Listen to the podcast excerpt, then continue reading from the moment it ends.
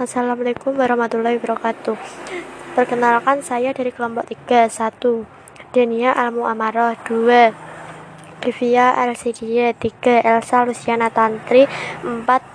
Angelia Ayu Chandra Puspita kita akan menjelaskan tentang tumbuh dan berkembangnya kerajaan-kerajaan masyarakat Islam. Islam masuk ke Indonesia dan memengaruhi berbagai bidang kehidupan masyarakat Indonesia termasuk bidang pemerintahan, yakni dengan munculnya kerajaan-kerajaan yang bercorak Islam. Kerajaan di Indonesia yang bercorak Islam secara geografis terletak di sepanjang pesisir pantai. Hal ini disebabkan terbentuknya kerajaan dimulai di kota-kota Pelabuhan yang berfungsi sebagai kota transit muncul dan berkembangnya kerajaan Islam di Indonesia sebagai berikut. Satu Kerajaan Islam di Sumatera Wilayah Nusantara yang diduga mendapat pengaruh Indonesia pertama kali adalah wilayah pesisir barat Sumatera. Tidak heran apabila kerajaan bercorak Islam juga muncul pertama di wilayah Sumatera. Adapun kerajaan bercala Islam yang dimaksud sebagai berikut. Uh, kerajaan Suman, Samudra Pasai. Di mana kerajaan Samudra Pasai terletak? Kerajaan Samudra Pasai terletak di pantai utara Aceh. Tempatnya muara sungai Pasai Pasang Pasai kota pesisir. Kedua kota yang masyarakatnya sudah masuk Islam tersebut disatukan oleh Marasil yang masuk Islam berkat pertemuannya dengan Syekh Ismail, seorang utusan Syarif Mekah Marab Sileh kemudian dinobatkan menjadi sultan dengan gelar Sultan Malik Saleh. Berdasarkan hikayat Raja-Raja Pasai dan hikayat Melayu disebutkan bahwa Sultan Malik Al-Saleh merupakan raja pertama di kerajaan Samudra Pasai. Beliau berusaha meletakkan dasar-dasar kekuatan Islam dan berusaha mengembangkan kerajaannya melalui perdagangan dan perkuatan angkatan perang. B. Kerajaan Aceh Kapan kerajaan Aceh berdiri? Kerajaan Aceh berdiri dan muncul sebagai kekuatan baru di Selat Malaka. Kerajaan Aceh berdiri pada abad ke-16 setelah jatuhnya Malaka ke tangan Portugis.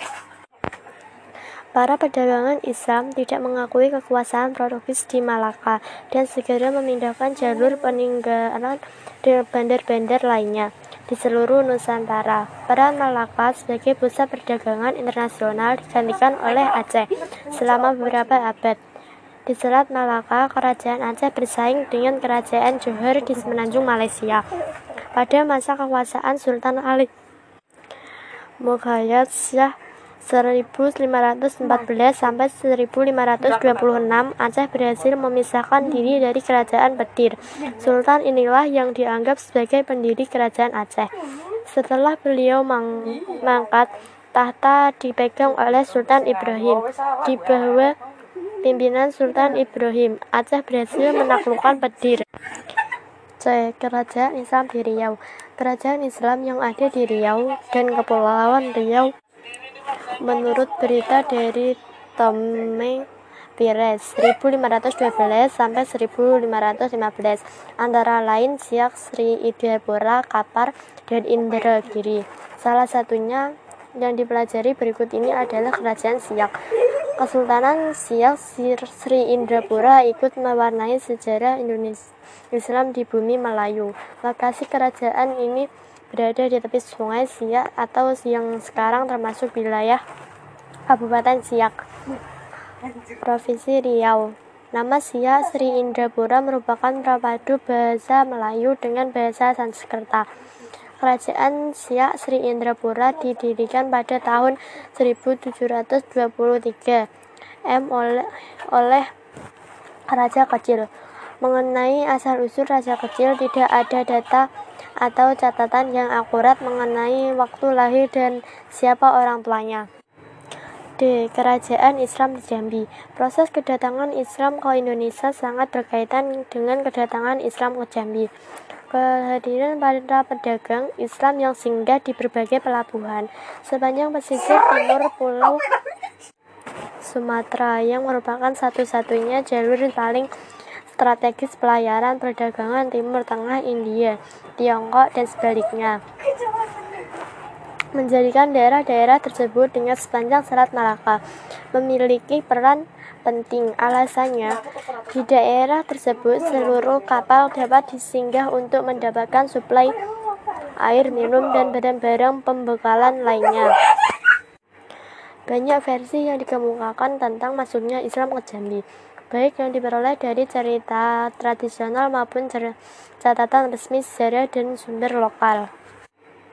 F. Kerajaan Islam di Sumatera Selatan. Menurut berita Tempires 1512 sampai 1515, sekitar awal abad ke-16, wilayah Palembang berada di bawah pengaruh kekuasaan Kerajaan Demak. Masa pemerintahan Raden Patah, ketika Raden Patah wafat, orang-orang Palembang mendirikan kerajaan baru dengan Ki Gedeng Suro 1539 sampai 1572 sebagai raja pertama. Pada tahun 1702, tiba-tiba Foch menyerang Beteng Palembang di Kampung Candi. Alasannya, Palembang tidak memberikan perlindungan terhadap kepentingan dengan Foch. Sultan Abdurrahman yang berkuasa saat itu mengusik ke Jambi. Kekosongan di Palembang digunakan Faj untuk mengangkat sultan pilihan mereka, yaitu Mahmud Baradudin Jaya Wikrama. Padahal di Palembang telah dilantik sultan baru, yaitu Muhammad Mansur Keboh Gede yang berkuasa hingga tahun 1714. G. Kerajaan Islam di Sumatera Barat Kerajaan Pagaruyung adalah sebuah kerajaan yang wilayahnya meliputi Provinsi Sumatera Barat sekarang dan daerah-daerahnya sekitar. Kerajaan Pagaruyung didirikan oleh Adiria Warman, seorang pangeran dari Panjapahit pada tahun 1347. Pengaruh Islam Pagaruyung pekerjaan kira-kira pada abad ke-16 melalui para musafir dan guru agama yang singgah atau datang dari Aceh dan Malaka. 2. Kerajaan Islam di Jawa Setelah Islam menyebar di sepanjang pantai utara Sumatera, pengaruhnya juga sampai ke tanah Jawa. Akibat masuknya pengaruh Islam di Pulau Jawa, kemudian muncul kerajaan-kerajaan bercorak Islam yang menggantikan keduduk kerajaan bercorak Hindu-Buddha yang telah ter terlebih dahulu ada. Adapun kerajaan-kerajaan bercorak Islam yang dimaksud sebagai berikut. A. Kerajaan Demak. Kerajaan Demak dianggap sebagai pusat penyebaran agama Islam di Pulau Jawa. Ajaran Islam berkembang dengan pesat karena didukung oleh para peranan Wali Sango. Raden Patah sebagai Raja Demak yang pertama 1481 sampai 1518 adalah keturunan Raja Majapahit, yaitu Bahare Kartabumi dan Bariwijaya V yang menikah dengan putri dari Champa, Vietnam. Raden Patah memerintah didampingi oleh Sunan Kalijaga yang sangat berjasa dalam membangun Masjid Agung Demak. B. Kerajaan Mataram Islam Kerajaan Mataram Islam kemudian disebut Mataram, adalah kelanjutan dari Kerajaan Demak dan Panjang. Kerajaan ini menggantungkan kehidupan ekonominya dari sektor agraris. Hal ini dikarenakan letaknya yang berada di pendalaman, akan tetapi Mataram juga memiliki daerah kekuasaan. Di daerah pesisir utara, Jawa yang mayoritas belum pelaut, daerah pesisir inilah yang berperan penting dalam urus arus perdagangan kerajaan Mataram. Kerajaan Mataram didirikan oleh Sutawijaya putra Ki Ajeng Pemanahan yang menjadi anak angkat Sultan Hadiwijaya. Disebut Raden Ngabehi Loreng Pasar karena ia diberi tempat di utara pasar oleh ayah angkatnya. Kerajaan Banten. Setelah Banten dan Sunda, Pelapa dikuasai Demak Maulana Azanuddin putra Syarif Hidayat. Sunan Gunung Jati ditempatkan sebagai Adipati Banten, sedangkan Fatalillah menjadi Adipati Jayakarta. Kelak ia menggantikan kedudukan Syarif Hidayat di Cirebon pada tahun 1552 sampai 1570 Masehi. Setelah pemimpin sebelumnya yaitu Pangeran Pasaera putra Syarif Hidayat yang lainnya wafat. Adapun Syarif, Syarif Hidayat meninggal di Cirebon pada tahun 1568 Masehi. Di Kerajaan Cirebon, sumber-sumber lokal seperti Babat, Tanah Sunda, dan Carita Purwakara Carumban Nagari menganggap pendiri Cirebon adalah Raden Walasusang yang bergelar Pangeran Cakrabuana. Raden Walangsungsang adalah putra tertua Raja Penjajaran Sri Belanduga, Maharaja Prabu Siwangi dari istri Subang Lara. Adapun tokoh yang berhasil menjadikan Cirebon sebagai kerajaan bercolak Islam adalah Syarif Hidayatul dalam babat Cirebon Syarif Hidayatul dikatakan identik dengan Sunan Gunung Jati. Tiga Kerajaan Islam di Kalimantan Dalam masa perkembangan wilayah Kal wilayah Kalimantan juga mendapat pengaruh sehingga, sehingga muncul beberapa kerajaan bercocok Islam. A. Kerajaan Pontianak Ada pemberitaan bahwa sekitar abad ke-18 atau sekitar tahun 1720 ada rombongan pendakwan dari Tarim atau Hadramaut datang ke daerah Kalimantan Barat untuk mengajarkan Islam. Mereka antara lain Syarif Idrus pergi ke Mapawah, tetapi kemudian menelusuri sungai ke arah laut memasuki Kapuas kecil sampailah ke sampailah ke suatu tempat Dupi yang yang menjadi cikal bakal kota Pontianak. Empat kerajaan Islam di Sulawesi. Di daerah Sulawesi juga tumbuh kerajaan-kerajaan bercorak Islam. Munculnya kerajaan-kerajaan Islam. Islam di di Sulawesi tidak terlepas dari perdagangan yang berlangsung ketika itu. A. Kerajaan Mas Kerajaan Makassar atau Gowatalo berdasarkan berita atau catatan dari rumah tadi dari Portugis dan sumber-sumber lokal menyatakan bahwa pada awal abad ke-16 pedagang Melayu Islam sudah menetap dan melakukan aktivitas perdagangan di wilayah Sulawesi Selatan. Kemungkinan mereka telah melakukan migrasi yang bermukim di Makassar atau tempat ke tempat-tempat lainnya di sepanjang pesisir barat daya Sulawesi. Paris, peristiwa ini terjadi setelah Malaka jatuh kekuasaan tahun 1511 Masehi. B. Kerajaan Wajo Kerajaan Wajo diduga berdiri sekitar tahun 1450 di, di wilayah yang sekarang menjadi Kabupaten Wajo, Sulawesi Selatan. Selatan. Pengusaha disebut Raja Wajo. Wajo adalah kelanjutan dari kerajaan sebelumnya yaitu Cino tapi ada tradisi lisan yakni pau pau rikandung yang membuat kisah terbentuknya kerajaan Wajo.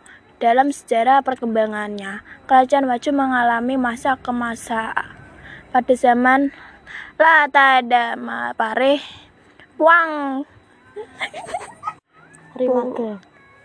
Rima Galatung Arung Matowa yaitu Raja Pajo ke-6 abad ke-15 5. Kerajaan Islam di Maluku Kerajaan Islam yang terkenal di kawasan Maluku adalah Kerajaan Ternate dan Tidore. Kerajaan Ternate membentuk persekutuan yang disebut Uli Lima atau Persekutuan Lima. Persekutuan itu terdiri atas Ternate sebagai pusat, Obi, Bacan, Seram, dan Ambon. Sebaliknya, kerajaan-kerajaan lain di bawah pimpinan Tidore membentuk Persekutuan Uli Siwa atau Persekutuan Sembilan. A. Kerajaan Ternate Islam diperkirakan sudah lama masuk ke Ternate melalui jalur perdagangan. Hal ini ditandai dengan banyaknya pedagang Arab yang datang ke wilayah tersebut untuk berdagang. Bahkan ada yang bermukim selain melalui perdagangan, penyebaran Islam juga dilakukan melalui jalur dakwah. B. Kerajaan Tidore Kerajaan Tidore adalah kerajaan Islam yang berpusat di wilayah kota Tidore, melalui Maluku Utara. Kedatangan Syekh Jafar Sedik pada 10 Muharram 470 H atau sekitar 1082 M dianggap sebagai proses awal masuknya Islam ke Maluku Utara. Menurut sisilah Raja-Raja Ternate dan Tidore, Sajat kemudian diangkat menjadi Kolano pertama di Tidore dengan panggilan Muhammad Nakel yang naik tahta pada 12 Rabiul Awal 502 H atau 1108 M. 6. Kerajaan Islam di Papua Sejarah masuknya Islam di Papua dan proses penyebaran memiliki beragam penafsiran. Bahkan, para keturunan raja-raja di Raja Ampat atau Sorong, Fak-Fak, Kaimana, dan Teluk Bintuni sampai Manokwari sa saling mengklaim bahwa bahwa Islam lebih awal datang ke daerahnya hanya berdasarkan bukti tradisi lisan tanpa didukung bukti-bukti tertulis ataupun bukti-bukti arkeologis. Dari berbagai catatan tentang hasil penelitian terkait sejarah masuknya Islam di Papua, salah satunya yang cukup komprehensif adalah hasil penelitian dosen Fakultas Agama Islam Universitas Yapis Papua, Tony Victor Mandawiri Wanggai, dalam disertasinya yang berjudul Rekonstruksi Sejarah Umat Islam di Tanah Papua. Ia mengemukakan setidaknya ada tujuh versi atau teori masuknya Islam ke Tanah Papua sebagai berikut. A. Teori Papua Teori Papua merupakan pandangan adat dan legenda yang melekat di sebagian rakyat hasil Papua. Khususnya yang berdiam di wilayah Fak-Fak Kaimana, Manwari, dan Raja Ampat atau Sorong. Teori Papua menyatakan bahwa Islam di Papua bukan berasal dari luar Papua dan bukan pula dibawa atau disebarkan oleh kerajaan Ternate dan Tidore atau pedagang Muslim dan ulama dari Arab, Sumatera, Jawa, ataupun Sulawesi. B. Teori Aceh Islam masuk ke Papua pada sekitar tahun 1360 M. Masehi yang disebarkan oleh Abdul Gofar, ulama asal Aceh. Pendapat ini juga berdasarkan sumber lisan yang disampaikan putra bungsu Raja Rumbati atau Muhammad Sidik Bau dan Raja Rumbati atau Haji Ismail Samali Bau. C. Teori Arab Menurut sejarah lisan Fak-Fak, Islam mulai diperkenalkan di Papua, tepatnya di Jazirah Onin atau Patimunin Fak-Fak, oleh seorang sufi dari Arab yang bernama Syarif Muaz al-Khattan yang bergelar Syekh Jubah Biru. D. Teori Jawa Teori Jawa menyatakan bahwa pada tahun 1518 Masehi, Adipati Unus atau Pangeran Kesultanan atau Pangeran Sabrang Lor. Putra Raden Pata Raja Demak melakukan kerjasama dengan Kesultanan Ternate dan Tidore mengirim mubalik ke Papua dengan misi menyebarkan Islam. Penyebaran Islam. Teori Benda Teori Benda menyatakan bahwa penyebaran Islam di Papua, khususnya di Fak-Fak, dilakukan oleh pedagang-pedagang Bugis melalui Benda dan Seram Timur di antaranya oleh seorang pedagang dari Arab bernama Hawenten At-Tamimi yang menetap lama di Ambon. F. Teori Bacan Teori Bacan menyatakan bahwa Islam di Papua berasal dari Bacan pada masa pemerintahan Sultan Muhammad Al-Bakir Kesultanan Banten mencanangkan siar ke seluruh penjuru negeri menurut Thomas Arnold. Raja Bacan yang pertama masuk Islam bernama Zainal Abidin yang memerintah tahun 1521 Masehi. G. Teori Ternate Tiduri Teori Ternate Tiduri menyatakan bahwa Islam di Papua berasal dari Maluku Utara atau Ternate sampai Tidore. Berdasarkan catatan sejarah Kesultanan Tidore disebutkan bahwa pada tahun 1443 Masehi, Sultan Ibnu Mansur atau Sultan Tidore atau Sultan Papua memimpin ekspedisi ke daratan tanah besar Papua.